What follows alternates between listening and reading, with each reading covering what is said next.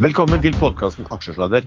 Mitt navn er Lars Branningen, i denne sammenheng kalt Reideren, og med meg har jeg som vanlig En hjemvendt trader, Sven Egil Larsen. Og Erlend Henriksen, populært kalt Jallakongen. upopulært kalt. Um, Sistnevnte, kan ikke du ta den disclaimeren vår? Ikke gjør som dere tror vi sier eh, får inntrykk av at vi mener at dere burde gjøre, for vi er totalt uansvarlige. Eh, vi gir ingen råd dersom du hører på hva vi sier her om markedet, aksjer, enkeltaksjer og livet for øvrig, er ansvar helt og holdent ditt eget. Det kan forekomme feil i det vi sier i programmet, og panelet og panelets gjester kan være langt, kort, direkte eller indirekte eksponert i aksjer, selskaper og produkter som omtales i programmet. Kan ikke vi starte med det du sa da? Sven, du er, du er hjemvendt. Eh, Skjedde det noe, var det noe gøy på, på Oslo-turen din? Eh, ja, jeg var en tur i Oslo for å eh, være med på denne her Pareto sin energikonferanse. Uh, så jeg var med på en, et par sånne selskapspresentasjoner, og så ble det veldig mye gratis mat og drikke, og jeg traff på til og med kvinnelige fans av podkast. Og, og det trodde jeg ikke fantes, men de fantes. Og vedkommende som jeg snakket med, eller det var vel to, de, de så ut til å være ganske så streite i tillegg. Så jeg ble litt positivt overrasket på min tur. Streit Ja. det går pent kledd og sånn, tenker du på? Ja, Det virker som normale, oppegående mennesker. Men, eh, det, ja. Men jeg snakket òg med veldig mange i, i meglerbransjen, og primært fra Pareto. da. Gjerne litt yngre folk eh, som syntes at det, det, det var veldig moro å høre på eh, det vi holdt på med. Så eh, ja, jeg fikk masse god tilbakemelding. Traff du de kvinnelige lytterne? Traf, du, du traff jo ikke de på selve konferansen, du traff de på byen etterpå? var ikke det sånn? Ja, fordi at jeg har jo en megler som er glad i å ta seg en uh, pinne. Uh, sånn at han tok jo oss med på noe som heter BA3 i uh, altså Jeg tror det står for Bygdøy allé 3, som er et ja, greit nok utested. Men jeg må jo si at jeg ble veldig skuffa over Altså, for det første så er det jo oppe i Holmenkollen, og da er det liksom eh, sånn Da pleier det å være stående buffé, veldig god mat, men i år så var det sitt ned og drikk og spis så mye du vil av eh, masse gode greier. Så de fleste som jeg satt med, da, inkludert deg, Lars, eh, var jo i godt humør eh, hele kvelden. Men du forsvant plutselig fra denne BA3. for Du skulle vel ta denne Ja. båten din som vanlig. Så du var vel ute av døra Ja. fem minutter etter vi kom der, og at du hadde Det- fått gratis taxi ned til byen. Det er derfor eh, Lars bor på Nesodden, så han kan bruke den båten som unnskyldning. At han er tidlig hjem. Ja, ja, men jeg, jeg forstår det jo òg, og, og Lars er jo ikke verdens uh, yngste eh, person lenger. Så nei, det var, Men det var veldig rart, fordi etter et kvarter så var det bare meg og megleren igjen, liksom. Eh, Tore eh, i Pareto. Og han hadde jo kjøpt øl og GT til alle som kom, eh, sånn at vi satt vel igjen med åtte GT på oss to. Ja, vi var jo tre, vi, vi var jo tre tekster som kjørte nedover samtidig. Ja, og han siste traderen han ringte febrilsk dere har kjørt fra meg. Så han så meg ingenting til, han heller. Så nei, det, det ble for mye flyt, fri flyt oppi, oppi Holmenkollen-restauranten. Ja, jeg Russland, fordi det, det var jo en båt, Den siste båten gikk jo egentlig ganske, jo ganske tidlig, sånn, sånn midt i uka. og jeg fant ut, Hvis jeg setter meg ned og begynner å drikke sånn eh, gin og tonic, så kommer jeg helt sikkert til å glemme den der siste båten. Så det fant ut at det var kanskje smartest å, å, å bare rusle hjemover. Men du, eh, det var jo en annen ting også. Som vi, var, vi, var jo, vi, si sånn vi var jo i godt humør. Det var veldig god mat og veldig god eh, og, og mye drikke oppe på banketten. Eh, og du du, du fant jo en sånn eh, fant jo en tilfeldig person du, som du småfornærma litt også, var ikke det så? Jeg tror jeg fant mer enn én, da, men vi kan jo ta den, den, vi vi kan jo ta den vi husker. Nei, Det var en, en fyr som ligner på han eh, Sakrisson i Harmony Chain, som jeg egentlig kjenner litt fra før og har snakka hyggelig med på Pareto-konferansen uh, før. Uh, mange ganger, faktisk. Og så var det en som ligna, men han hadde vært mye tynnere i håret. Så liksom uh, sier jeg til han ja, du, du har fått med deg med å beise deg i, i, eh, i eh, i, i aksjesladder. Men eh, det går greit? Liksom. Ja, ja, gikk helt fint. det. Jeg, forstår, jeg vet ikke om han forsto hva jeg snakka om. Og så sa han at du blitt tynnere i håret. Eh, og, og sånn. Og så plutselig Ja, det stemmer det òg, men uh, begynte jeg å snakke mer om Harmony Chain. Harmony Chain, hva, hva da mener du? han snakket østlands, da.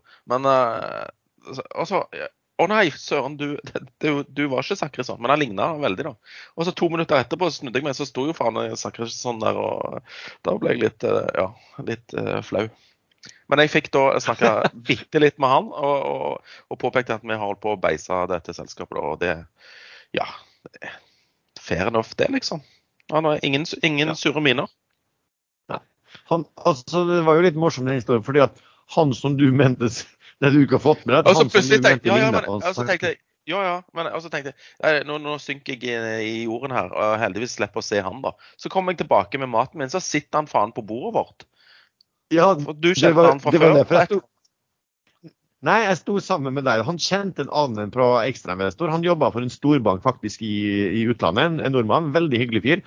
Altså, Poenget var han hadde jo sittet sammen med oss på bordet i, i, i en time.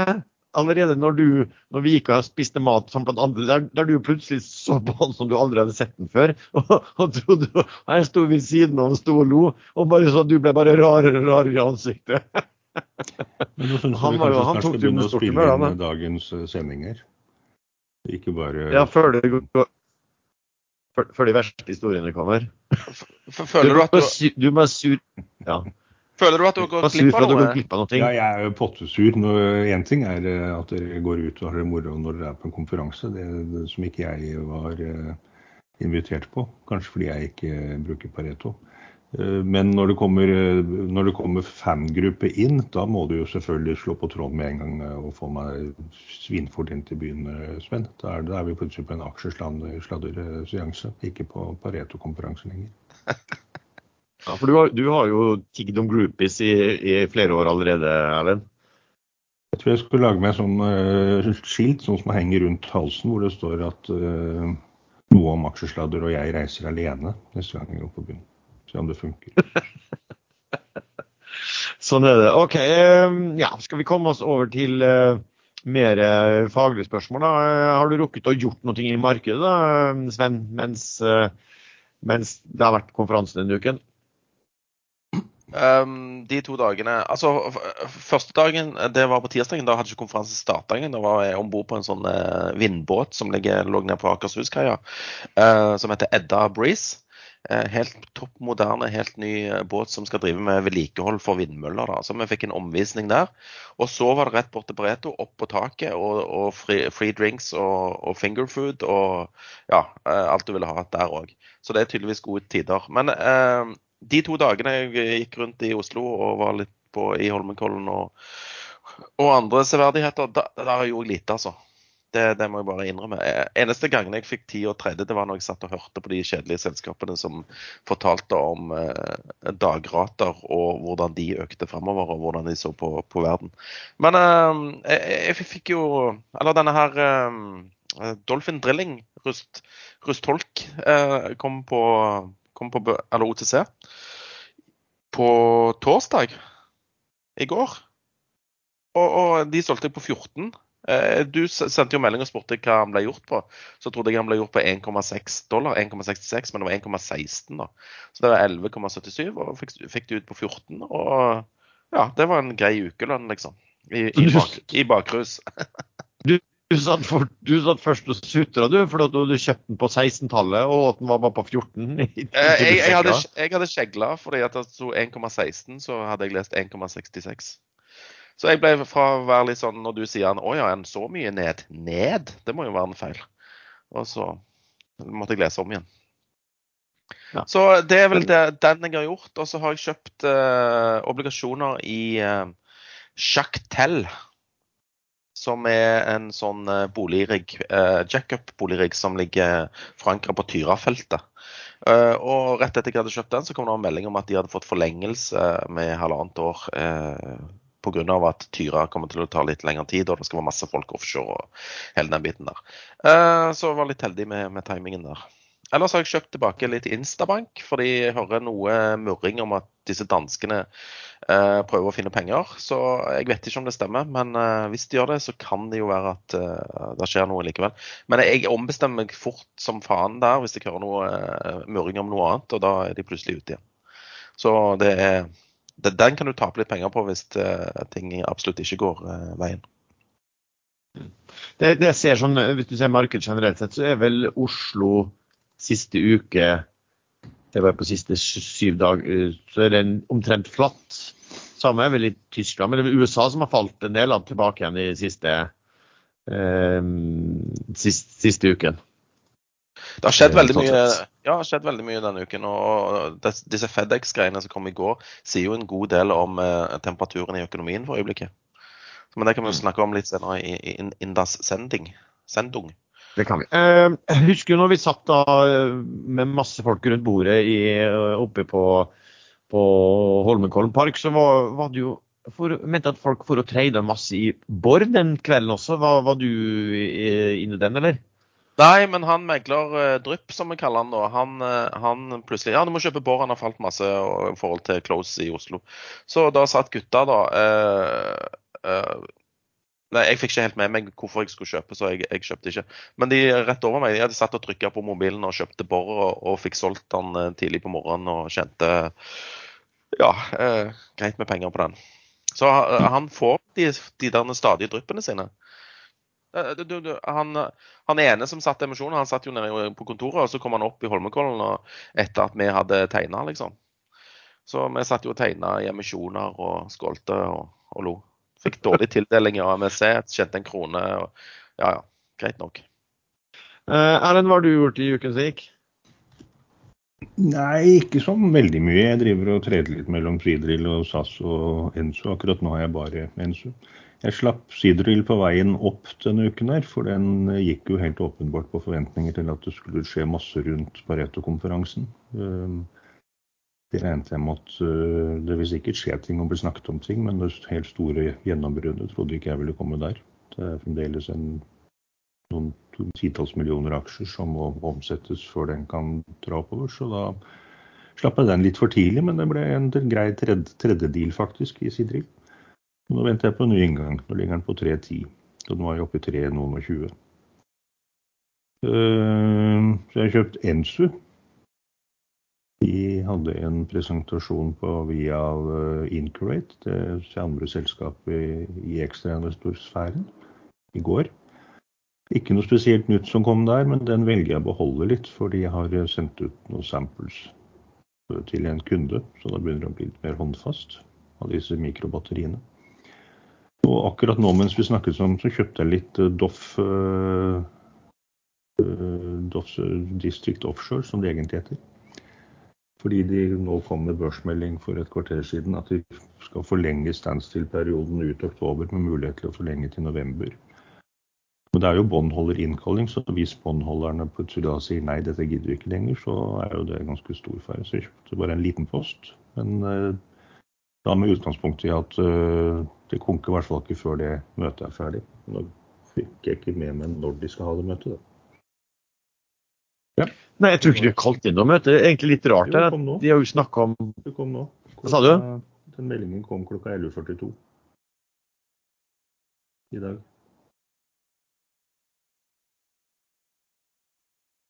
Ja, men var det innkalling også, eller var det bare utsettelse? Sønnen hans til Bolle. Ja, det var summon.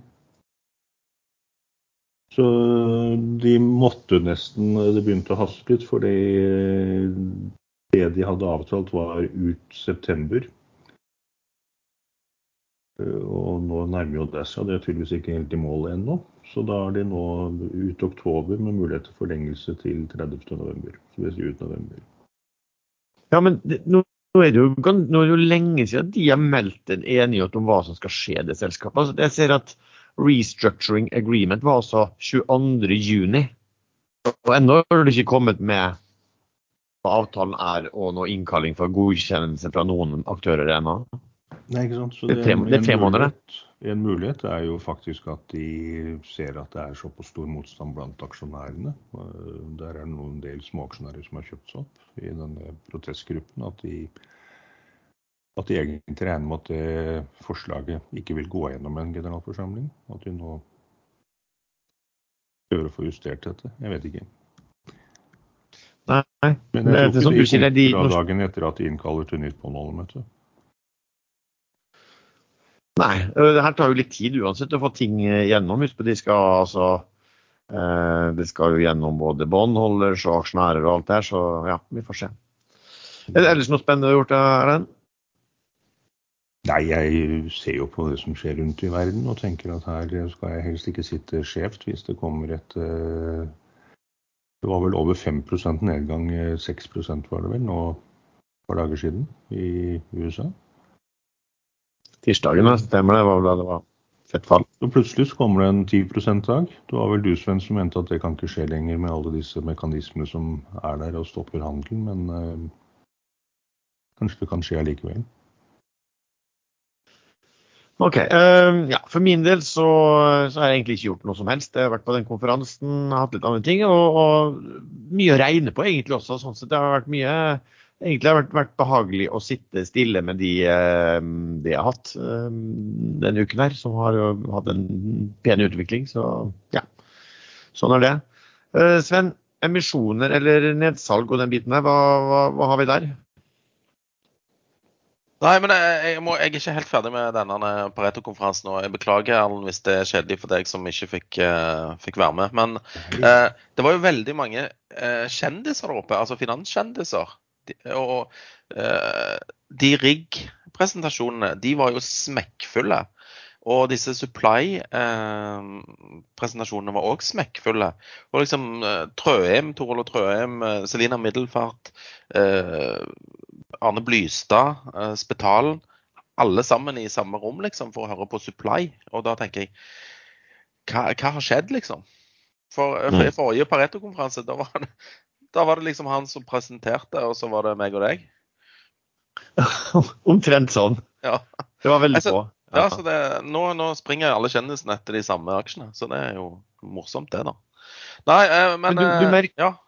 Nei, men vi, kan snakke, vi kan snakke litt mer om stemningen. For at det var jo veldig god stemning. Jeg husker den, den forrige gangen jeg var på, som var, var, en sånn live der oppe. Da var det jo eh, ganske sånn dystert. Og så brukte de veldig lang tid på å snakke om eh, ESG. Jeg husker jeg brukte liksom lang tid på å fortelle hvor ekstremt ESG-vennlige de var. Det orker jeg ikke snakke om lenger nå. Det, bare, det var en som hadde én slide. Han så bare dumt på sin egen slide og bare klikka videre på den.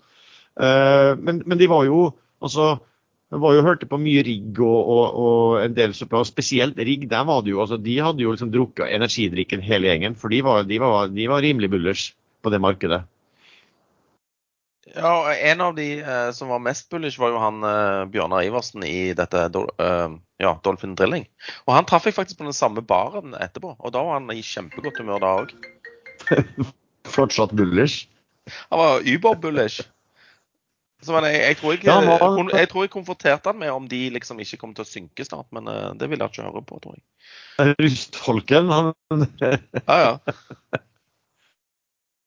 Ja, det var, det var de som kommenterte det oppe på den konferansen også, som, som sitter i det systemet her, som kommenterte Rustholk-kommentarene fra, fra aksjesladder, for å si det sånn. Um, Nei, nei, det var jo én ting. Også, de det, de, og de på Supply var jo også altså det, det, som var litt sånn felles med disse aktørene, var vel at de pekte på tidligere tider hvor det begynte å se veldig bra ut, og, og at det ofte da endte med at uh, man bygde i hjel markedet. Kanskje spesielt i rigg, da det ble mye bestillinger. Men nå sa de vel egentlig at, altså, at ingen er vel interesse. Ik ikke finnes det noe særlig slått på verftpåstående, men uansett så fantes det ikke penger. så Bankene var ikke interessert i å i å finansiere det, og aksjonærene var heller ikke noe interessert i å, i å bygge nytt. Og, og, og, dagens rater til, til, gjorde heller ikke det, rettferdiggjorde heller ikke at de kunne, at de kunne bygge nytt heller. Det var mye billigere å kjøpe selskapene enn å kjøpe, eh, kjøpe rigger, sånn sett. Um, hva, hva, tenker du om, om den tankegangen, altså, som, som, for at nå skal det her bli bra i lengre tid, Sven? Nei, det er jo folk som sier at dette blir en supersykkel og hele pakken der. fordi at, sånn Som du sier, jeg tror ingen har lyst til å spekke med å, å, å bygge nytt. Verken supply-skip eller rigger. fordi at jeg fikk inntrykk av at dette er liksom den siste festen, og den kommer til å vare en stund. Uh, og da er det ferdig etterpå. Og vi skal bare melke det ut til siste, de siste dråpene av denne oljeæraen. Bare mitt inntrykk. Jeg vet ikke om du hørte på den presentasjonen som han eh, amerikanske Tidewater hadde, som jo er, de er vel kanskje verdens største supply-selskap. De, har vel kun PSV Nei, jeg, og anker og Jeg hørte på Pareto-analytikerne, og så hørte jeg på Solstad. Og så gikk jeg og hørte på Petrotal mens uh, disse her uh, uh, Tidewater holdt på. Så jeg fikk ikke med meg det. Det gjorde du. Nei. Ja, for han sa akkurat det du sa også, at her kan det bli den siste litt sånn langvarige festen. Og han har ikke lyst til å kjøpe båter som, som liksom, der han var litt avhengig av at de fortsatt tjente penger om 15-20 år. Eh, og så sa han også, liksom, han, han, pekte også da på hvor mye det kosta å kjøpe en sånn båt kontra da hvor mye ratene måtte opp for at han helt tatt skulle rettferdiggjøre en, en, en rask nok payback på det. Og så, så, var det også litt interessant han sa det, det skjer jo så mye teknologisk. Sånn. Så liksom, han som han sa at liksom, hvilke type sånn, maskin og hvilke type drivstoff skal man nå velge hvis man skulle bygge nytt? Eh, og så sa han jo også at og uansett, de, de, jo, de, er jo veldig solide i forhold til de andre, men han sa at uansett så er jo egentlig ikke eh, Bankene er jo ikke noe interessert i å finansiere offshoreskip, sånn, eh, i hvert fall innenfor eh, olje, eh, lenger. Så vi får se, da. Men, om ja, det her slår til. Ja, jeg hørte òg på Standard Supply som er dette Spetalen-selskapet. Der de har henta flinke folk fra, fra finansbransjen til å styre dette. Og, og, De sa de var rett og slett opportunistiske. De skal kun kjøpe billig tonnasje, og så skal de melke markedet så lenge eh, det går. De skal ikke liksom ta noe risiko med å kjøpe dyre ting. Så hvis det ikke finnes mer båter billig, så kommer de ikke til å kjøpe noe mer.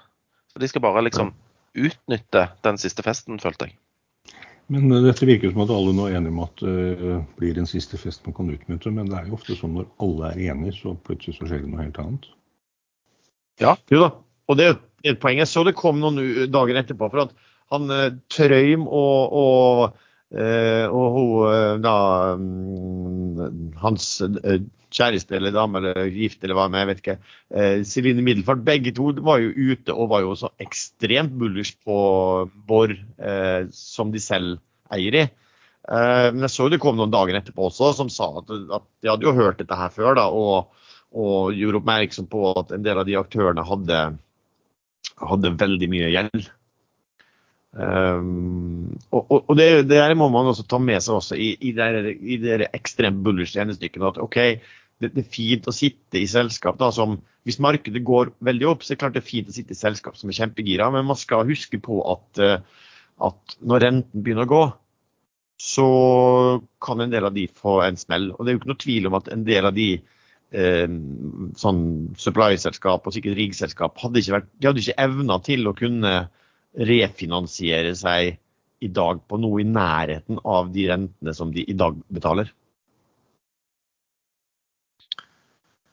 Så, så sånn er det. Uh, ja, vi bruker jo å ha, snakke om uh, makro og, og, og, og, renter og den biten der. Da. Hva, nå fikk vi jo da en uh, kjempesmell i markedet på tirsdagen, i hvert fall i USA. Sven, hva var det som skjedde? Nå må jeg spole tilbake til tirsdagen. Da må jeg spole litt tilbake fra takterrassen og til 14.30 var det vel da kom inflasjonstallet inflasjonstall i USA. Headline på 8,3, ned fra 8,5 og ned altså fra toppen på 8,8, som var måneden, to måneder før der igjen. Eh, men fortsatt over forventede 7,9, og enkelte komponenter, eller en, egentlig en rekke med altså bredere utvalg av disse komponentene som utgjør konsumprisindeksen, viste økning. Og det ble dårlig mottatt i markedet, og det falt 5% på Nasdaq. Så men det var kortversjonen. Jeg eh, husker ikke hva kjerneinflasjonen var, men den var vel òg bitte litt over det som var venta. Så det, det, virker som han er ganske sticky, og ikke særlig forbigående. Og at det vil ta litt redskaper for å få bukt med han. Ja. Og USA hadde jo nesten steget nesten 4-5 eh, på ikke mange dagene før dette. og det var jo litt sånn, Mange forventa, det var masse sånne makroøkonomer som var ute og sa at her kunne man forvente seg Eh, betydelig lavere inflasjon da, enn, enn hva estimatene lå på. Ja, men det, det, kan jo virke som De har, det kan jo virke som eh, inflasjonen har toppa seg på rundt uh, eh, 9% i USA. Men han synker jo ikke som en stein, akkurat. Nei, og vi, vi, har jo messa litt om dette her også, om dette her med shelter costs. Som, altså bokostnader som en litt sånn teoretisk beregning, og som, er, og som det legger på, og som egentlig over tid skal minne om eh, utvikling i, eh, i boligpriser. Og boligprisen i USA har steget altså med 20 på et år, mens dette shelterkost, som da utgjør en 35-40% totalt av inflasjonstallene, har bare steget nå med 6-7 Jeg tror det var eh, under 7% fortsatt. Men den økte jo nå til 0,7% på én måned eh, i, i, for eh, august. Eh, og det er jo også en sånn som kan, altså, så Noen skriver at den kan jo fortsette å øke med 10% den, det neste året. Og det vil jo da utgjøre bare, alene bare det 3,5-4 eh, inflasjon også.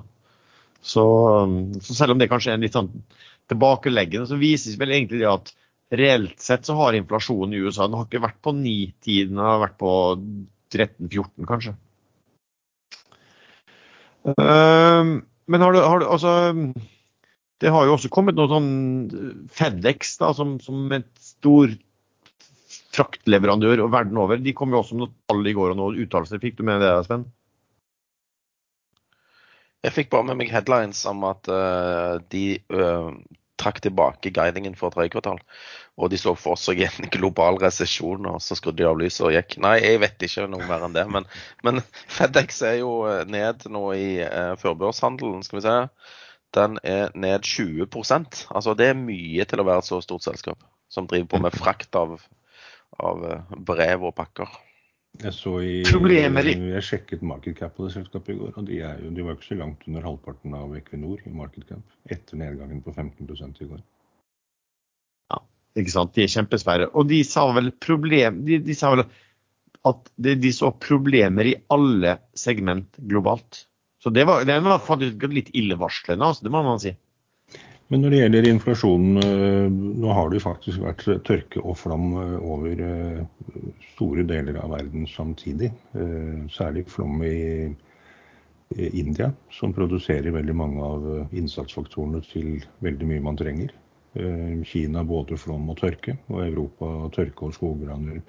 Det, det, det, er, en del innsatsfaktorer som verden vil slite med å få tak i nok av etter denne sommeren her.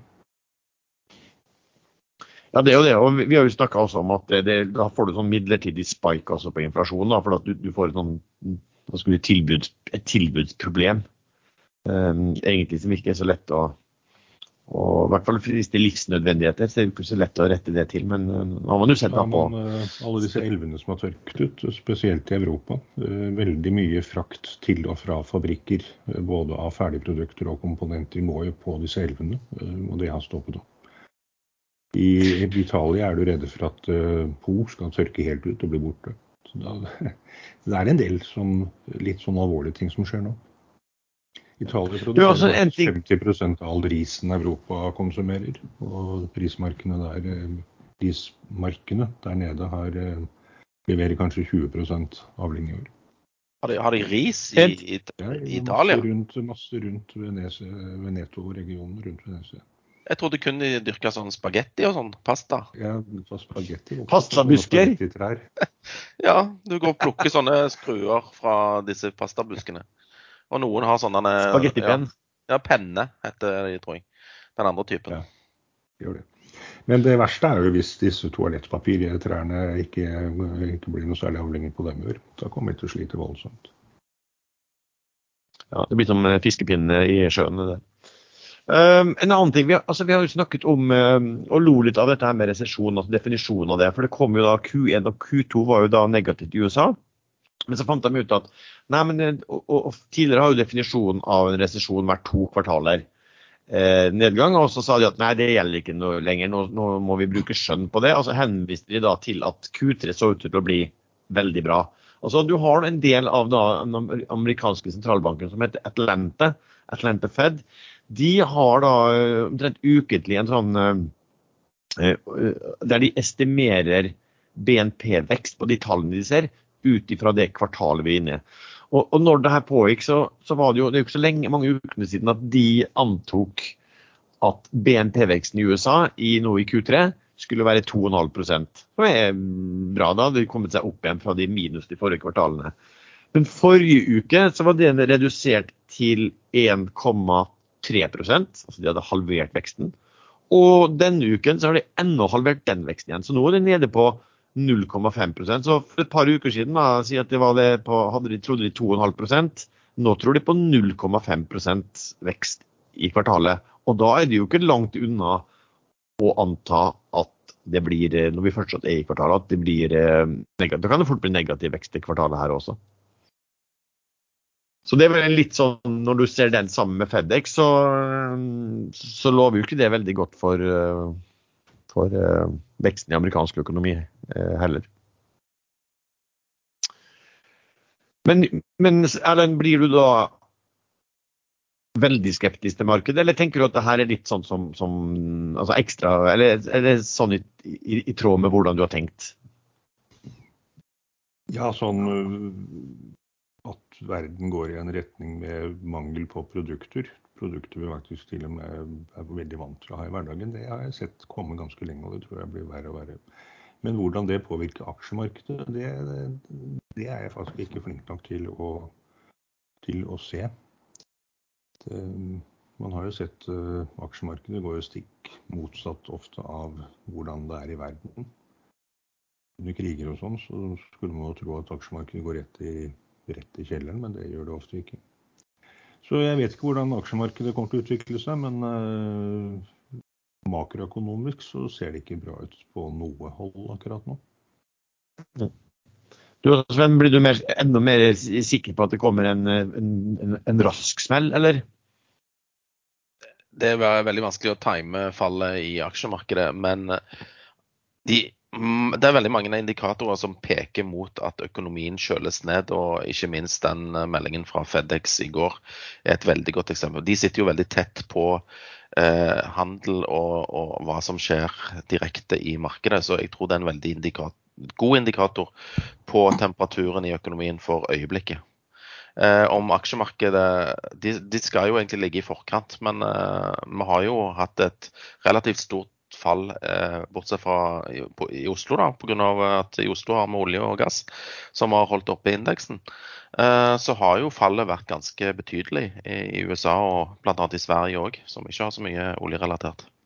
Mm. Og jeg tror noen som regner, altså Det har regna eksklusiv Equinor, så er vi vel ned fort 10-15% i Oslo også. Ja, men det føles ikke sånn fordi vi ser på hovedindeks, og, og, den holder seg relativt bra. Bortsett fra i dag, ja. så er den ned halvannen prosent i tråd med Dagsen i, i Tyskland. Mm.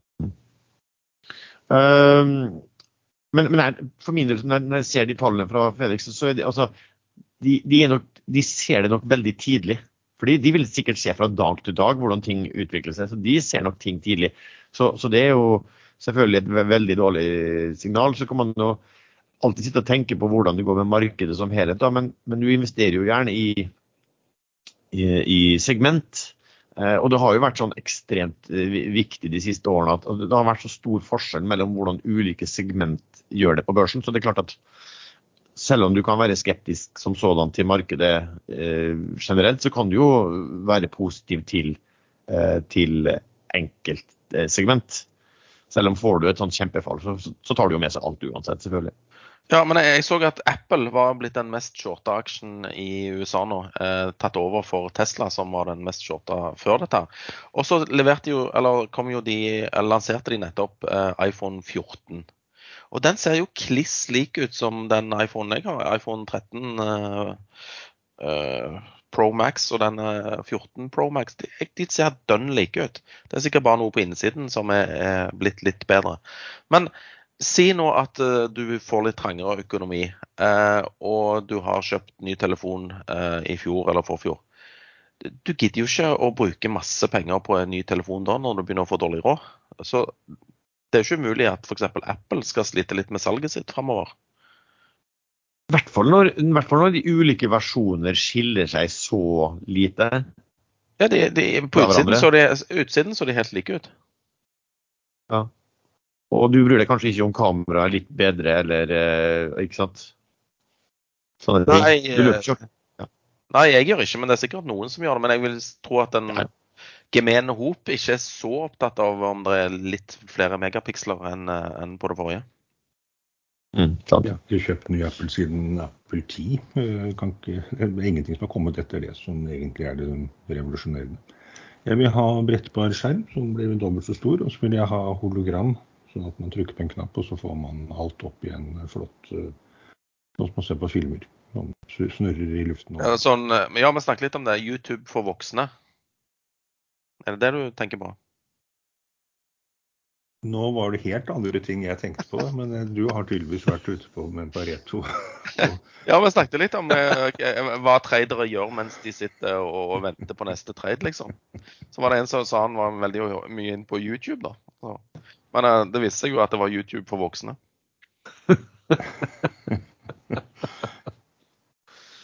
Um, Kahoot har vi også snakket mye om, og vi har nevnt dette med faren for at eh, Softbank eh, så ut til å være på, på vei ut, um, med resulterende kursfall.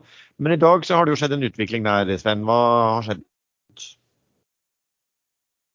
Eh, Du må ta den med IT-ansvarlig Erlend Henriksen. IT-ansvarlig, hva skjedde i Kahoot i dag? Der har det kommet et selskap som byr på skal kjøpe 15 av aksjene til Softbank, var det vel. Eh, Og det er stort sett det jeg har fått med meg. Men kursen gikk jo opp eh, 25 Ja. Um, Men, men det sto ikke noen pris, gjorde det? Og så var det litt sånn uh, tvilsom oppgjørsform.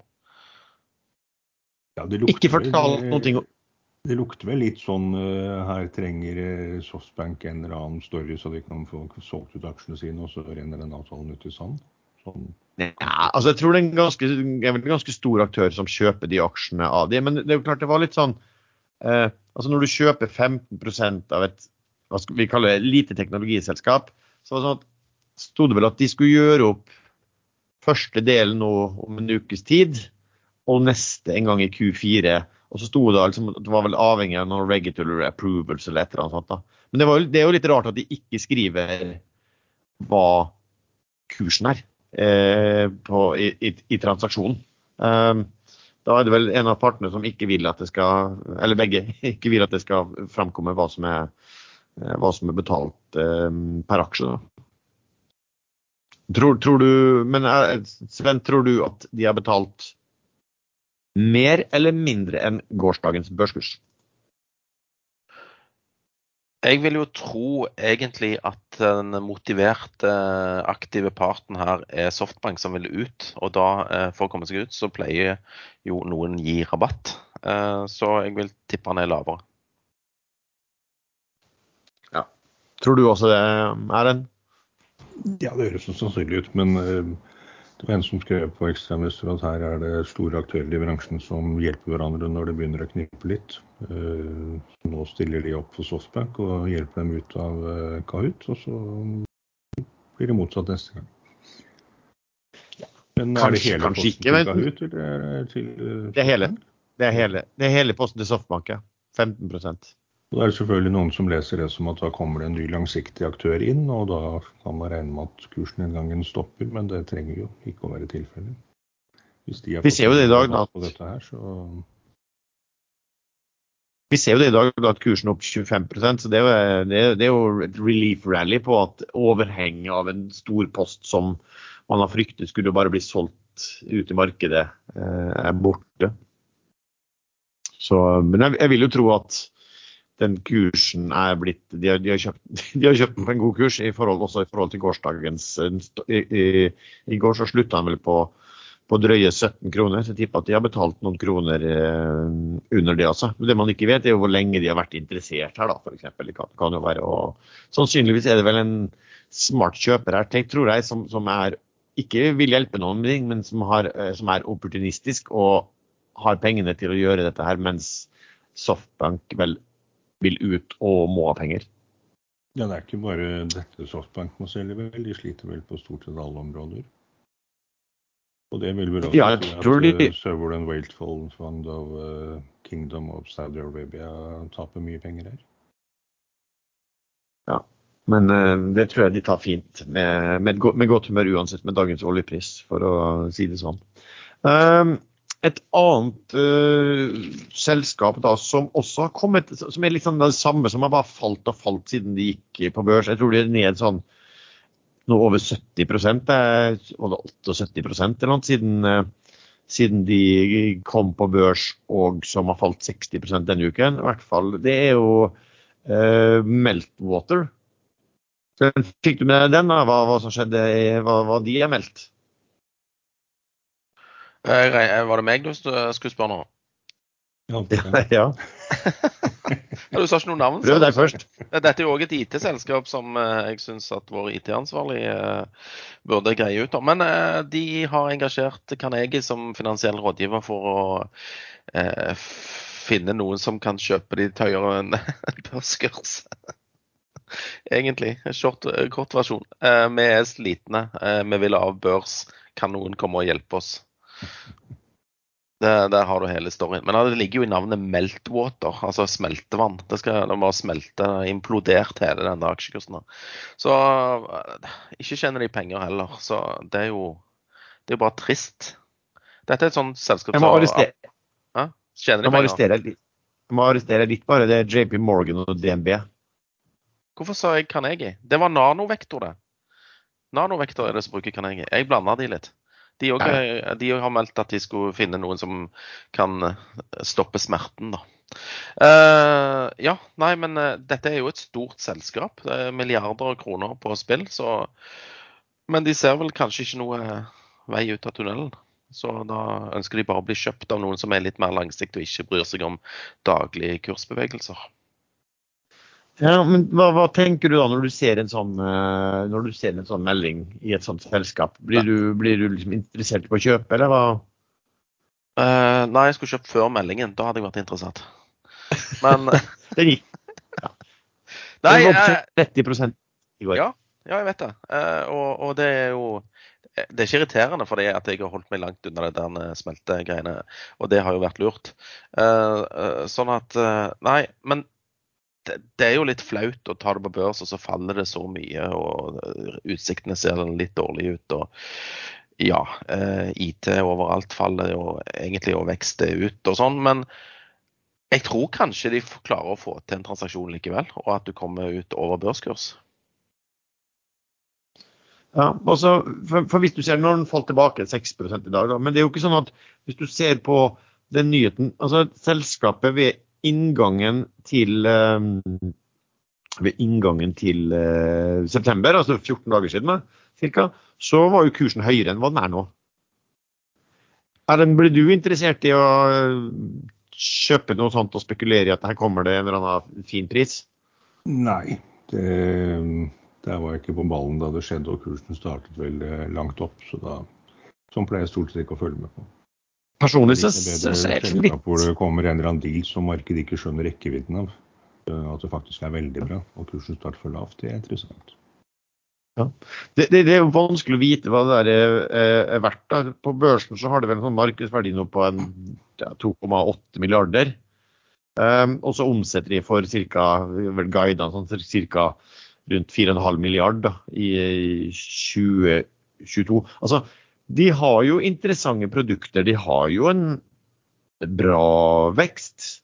Eh, de har mye bra kunder. De, har, de er i mange land. Eh, de er vel ledende innenfor sitt, eh, eller blant de ledende innenfor sitt område og har vekst i inntektene. Så jeg satt og så på det. Problemet til det selskapet er jo altså De skal jo være digitale, og digital er jo ofte sånn at når du selger noe nytt, så, så gir det veldig bidrag. Men altså, disse problemene til Meltwater har jo vært at altså, driftskostnadene øker raskere enn inntektene. Så, så, så, enten så kan man liksom tenke at enten gjør de det planmessig, fordi at de, de, vil bruke pengene på å vokse, og så kan de beholde kundene og deretter høste. Eller så er det bare en, det selskapet har et sånn skaleringsproblem. Det fungerer ikke som et sånn vanlig sånn digitalt Eh, selskap. Da. Og kursutviklinga tilsier jo egentlig det siste også. Det er vel lenge siden sist nå det var noe innsidekjøp eh, der også. Jeg så jo også at konsernet, forresten, på konsernnivå så har de jo, har de jo negativ egenkapital og har hatt en, en stund. Da. Men jeg ser ikke bort ifra at det finnes amerikanske aktører som, som liker posisjonen, som liker hva de har altså innenfor altså, online eh, media monitoring, og, og, og der de måler og, og ja, observere og måle hvordan eh, selskap og konkurrenter og alt mulig gjør det og omtales i både nyheter og sosiale medier. Eh, jeg ser ikke bort fra at noen kommer her og byr faktisk langt over børskurs i dag. Det er jeg ikke overrasket over, egentlig, sånn sett. Men du må nesten ha, skjønne på det selskapet der om, om, om hva er årsaken til at de resultatene er som det er. Kan du overta det selskapet her, putte det inn i et likeartet sånn, og, bli, å bli kvitt 50% av ansatte liksom, og, og, høste mye penger på det? det? Det er helt uforståelig for en outsider å vite. Om du tror de monitorerer sånne podkaster òg? Uh, I hvert fall hvis du betaler for det, så gjør de jo det.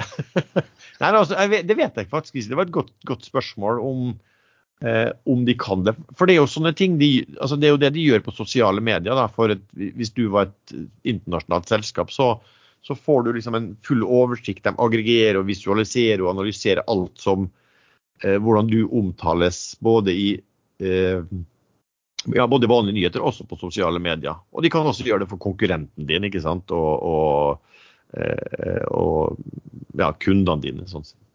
Så du, du, du, er redd for at vi har dukka opp på en sånn alert-liste for eh, et eller annet selskap?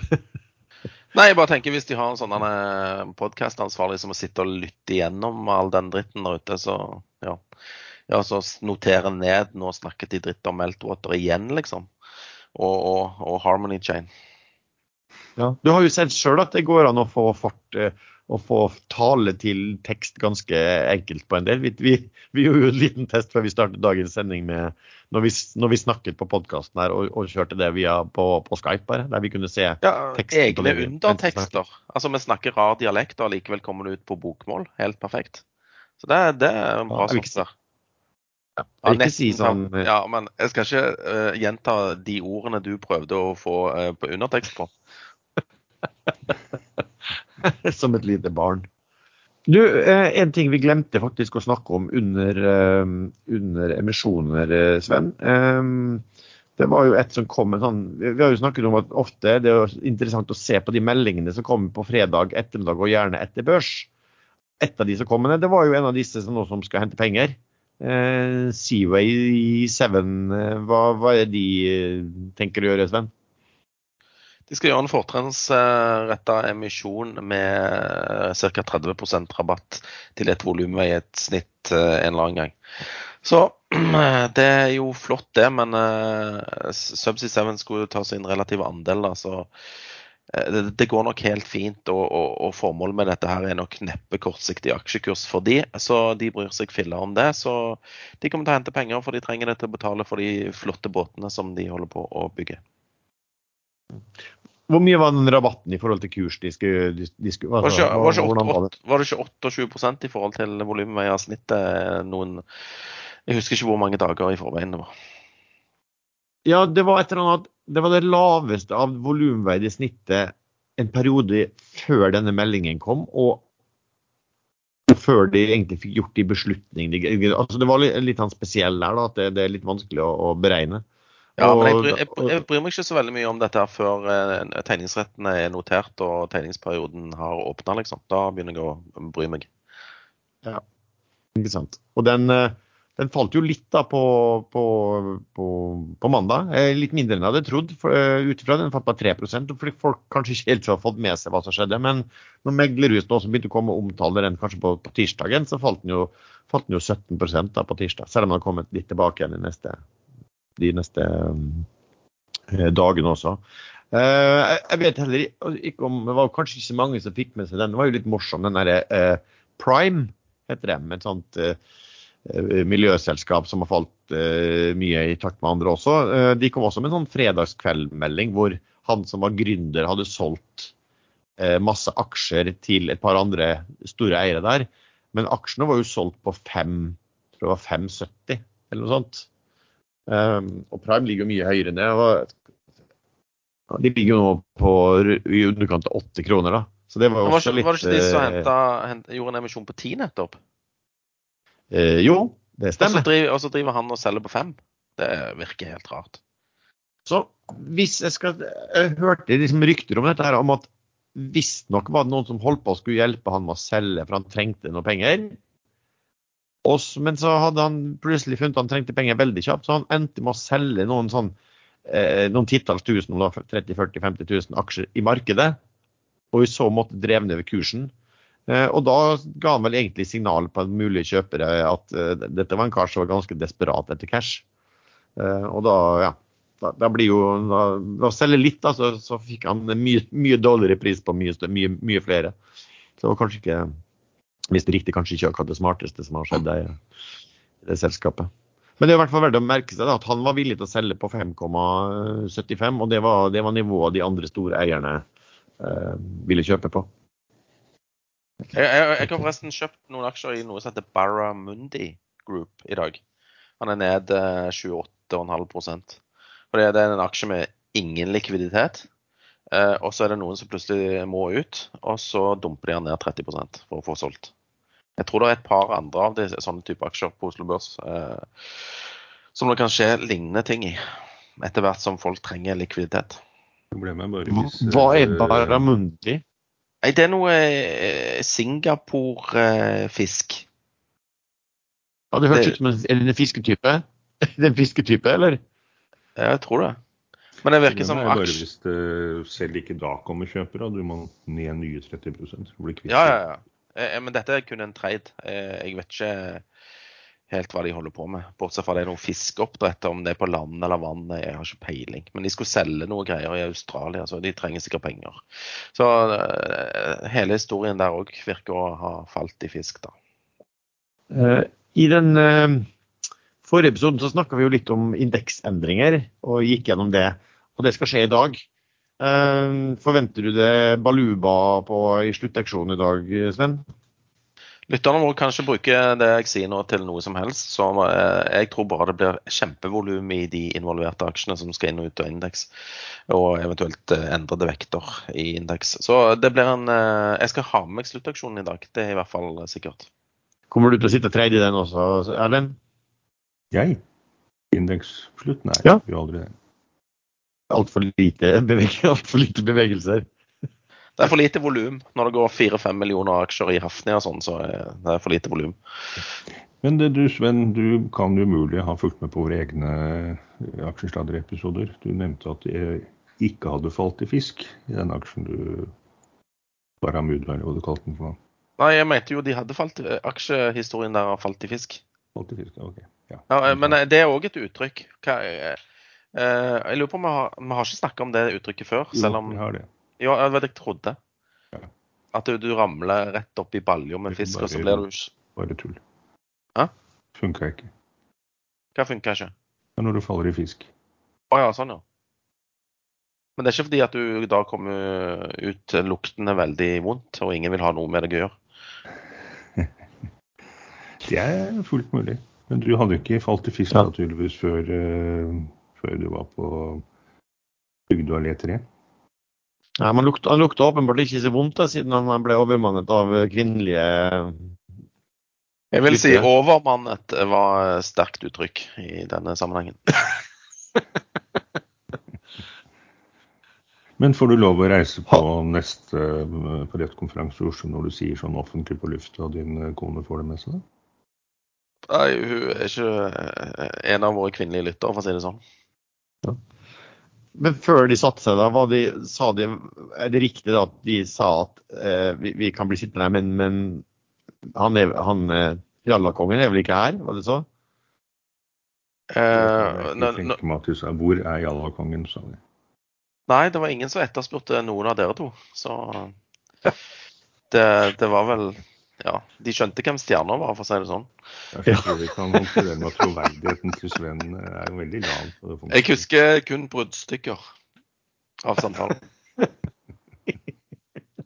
Du, du var mest opptatt av å snakke om deg selv, skal du si så. Nei, men meg og han Neglar Drypp, eh, vi sto og snakket med de, disse greiene. eh, Og, og, og han connecta jo på Tinder eller LinkedIn eller et eller annet. Så det er jo noen som skummer fløten her, da. Så, så ja. Ikke vet jeg. Får ikke håpe kona hans lytter på podkast, i hvert fall. Nei, det var What happens uh, Begynner å sjekke mobilen hans. Nei da, vi oppførte oss fint, og plutselig kom lyset på, så måtte vi ta taxi. Sånn er det. Hver for oss, altså. Nå svarte, nå svarte ja. du egentlig på noe som ingen hadde spurt om. Dette er sånn typisk. Nei, men jeg, jeg, det, det er typisk deg å komme ti sekunder etterpå når du får tenkt litt og satt i gang uh, den der hamsterhjulet oppi hodet ditt, at uh, du hadde kommet med det spørsmålet. Så jeg tenkte bare å være i forkant. Men det, jeg var faktisk på en kaffe Ja. hos Fearnley før jeg gikk på denne eh, båttur, nei, båtinspeksjonen. Og han, han er en veldig ivrig uh, lytter av uh, Aksjestader. Men han uh, pitcha inn at kanskje det er på tide å bytte ut Jallakongen, for han kom med så mye uh, rart, eh, mente han. Men når jeg fikk tenkt meg om det, så er det jo fordi at han er jo fagmann og er sånn finansmann. Du snakker jo på et nivå som er litt høyere, eh, sånn rent Ikke sant. Ja, når du skal liksom beskrive din investeringsstrategi osv. Så, videre. så jeg tror det er der problemet ligger. Du er på et helt annet nivå. Ja, et helt annet nivå, eh, åpenbart. Men eh, nå skal ikke jeg sette Jeg, jeg, jeg, jeg sa ikke høyere nivå, jeg sa et annet nivå.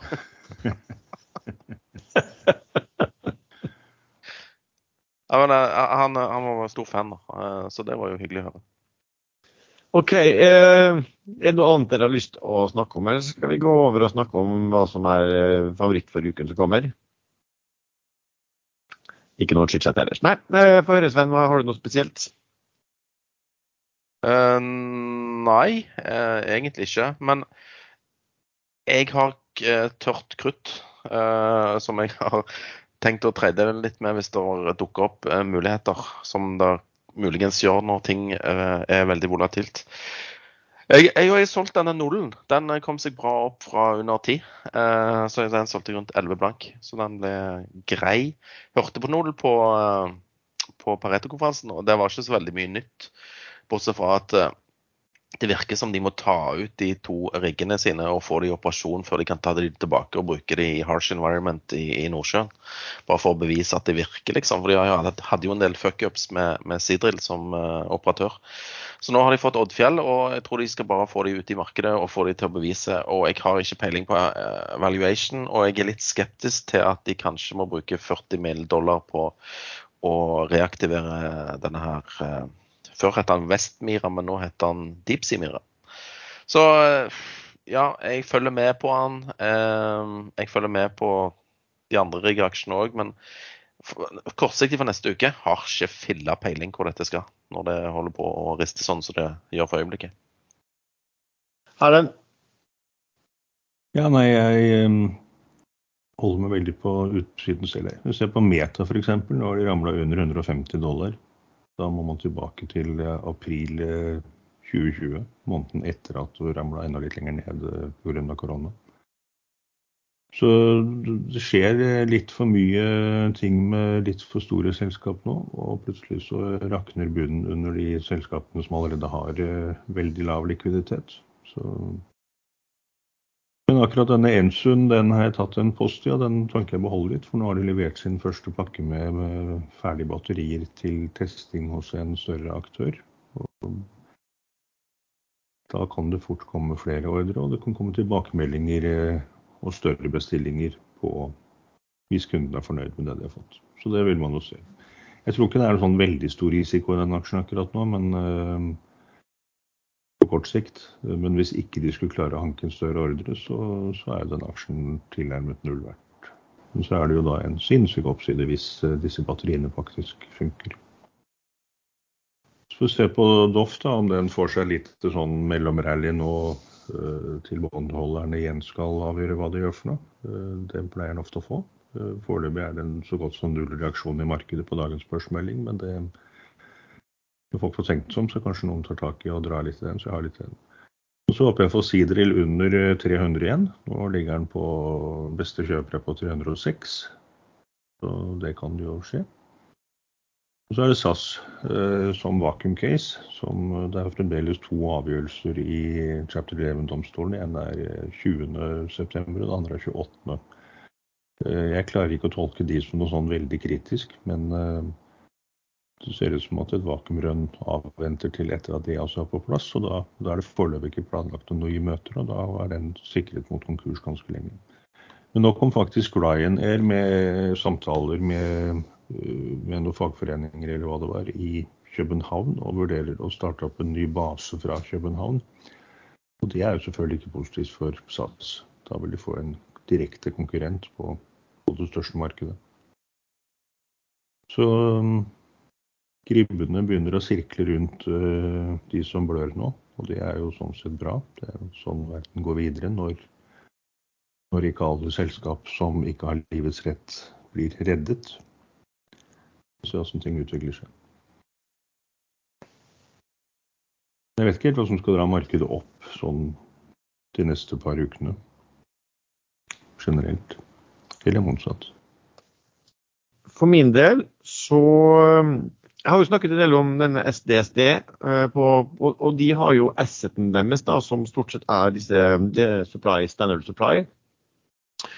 Har jo òg eh, Dolphin Drilling samt uh, Weatherford i USA. Uh, har jo utviklet seg veldig bra. så Denne Dolphin Drilling har det jo da steg jo kraftig, som Sven snakket også om første dag på, på, på OTC-listen. Så da var jo i går så var jo da Nav, hvis du regner sånn noenlunde 2,90. Da har det altså gått opp i løpet av kort tid fra først to, var den jo ikke så mye over to, så var den 2,38 opp til 2,68. Og nå var den altså på 2,90. Um, ehm, så da har jo aksjekursen også fått seg en bra um, boost. Men ligger jo da fortsatt 25 da under Nav. Så kan man jo sjøl vurdere hva man syns er er fair eh, i et sånt selskap, men har vel egentlig utover eh, tidligere år og perioder ligget gjerne kanskje med en rabatt på en ja, 10, 10% ofte. Så jeg syns kanskje rabatten er stor, men det er i hvert fall bra å se at de, det de eier da går, eh, går veldig riktig vei. Flink team. Uh, Valaris sitter jeg fortsatt på. Jeg har ikke økt noe i siste, men har, det er jo min klart største posisjon. De var jo på Pareto-konferansen. Der var det fullt stapp Altså den, den, salen var helt sjokkfull. Den var så fullt at folk kom ikke inn. De, de, bare stengte dørene, for det var noen folk der. Den har tikka opp jevnt og trutt. Og, og, det var jo også noe på Det var den som ble betenkt for den beste risk rewarden eh, på den eh, konferansen eh, av Pareto-analytikere sammen med Noble. da. Um, kan godt være at jeg kjøper noe mer rigg, annen rigg eh, i tillegg til den også, bare, bare for å ha litt, uh, litt annet. Uh, Gegg like sant, også gått, uh, gått fint. Altså, olje og offshore har egentlig gått, offshore gått veldig fint i forhold til den, uh, at det var Pareto-konferansen. Litt sånn som i gamle gode dager, det at selskapene gikk da.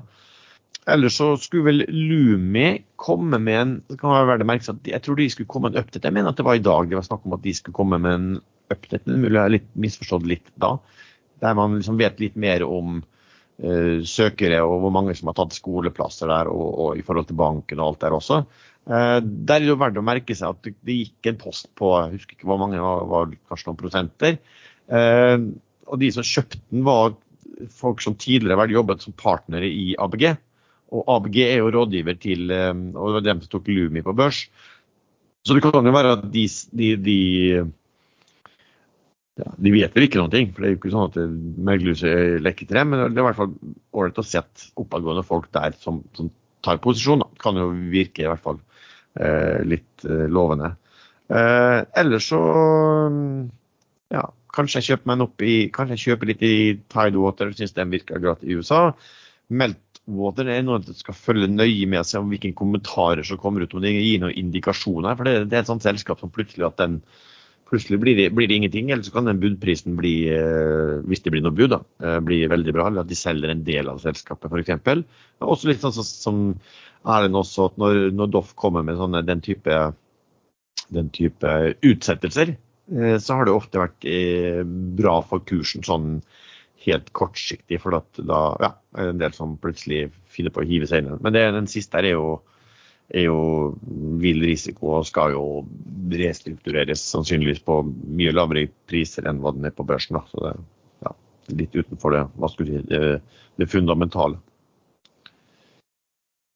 Så det var litt, litt, hva jeg tenker på i uken. Og så gjør sånn som Sven, kommer til å sitte med å følge med i, eh, i ettermiddag på hva som skjer på indeksendringer. Og, så, og som, som sådan så må jeg si at jeg ble litt, litt forskrekket over hvor, liksom, hvor tøft FedEx ble rammet, og hvor tøft de advarer om hvor, hvor dårlige tider det er også.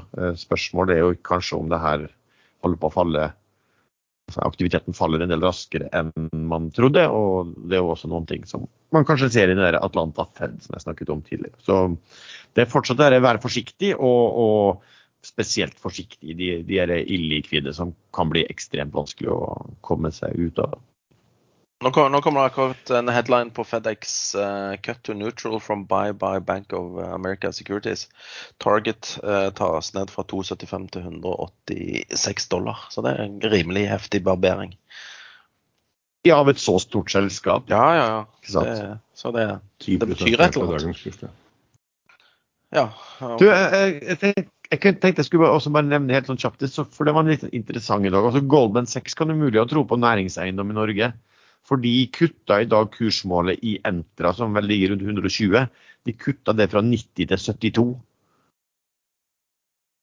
Så um, det er i hvert fall tegn på at den storbanken her det, Jeg vet ikke om det var noe spesifikt. Jeg vil anta at det er generelt sett at de, de Jeg tror det er pga. Høyere, høyere rente. Det, Entra har sliter vel litt med at de ikke har fast rente på disse greiene sine. Mm.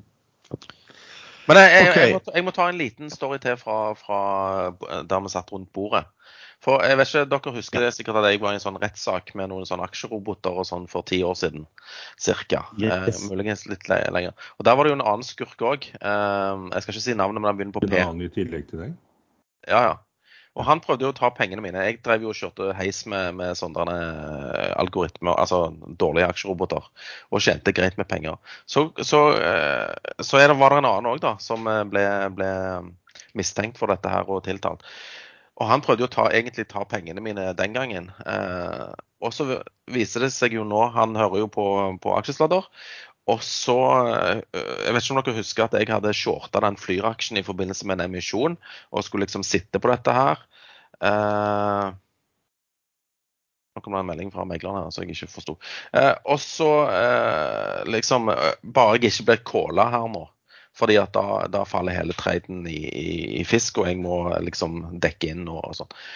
Han hørte på det og det, ringte megler. Eh, så på mandag så ble jeg calla, og da var han kødden. Sitter han der og gomler sushi og bare sitter og ler seg i hjel, liksom. Eh, det, det, det, har du, kamerat.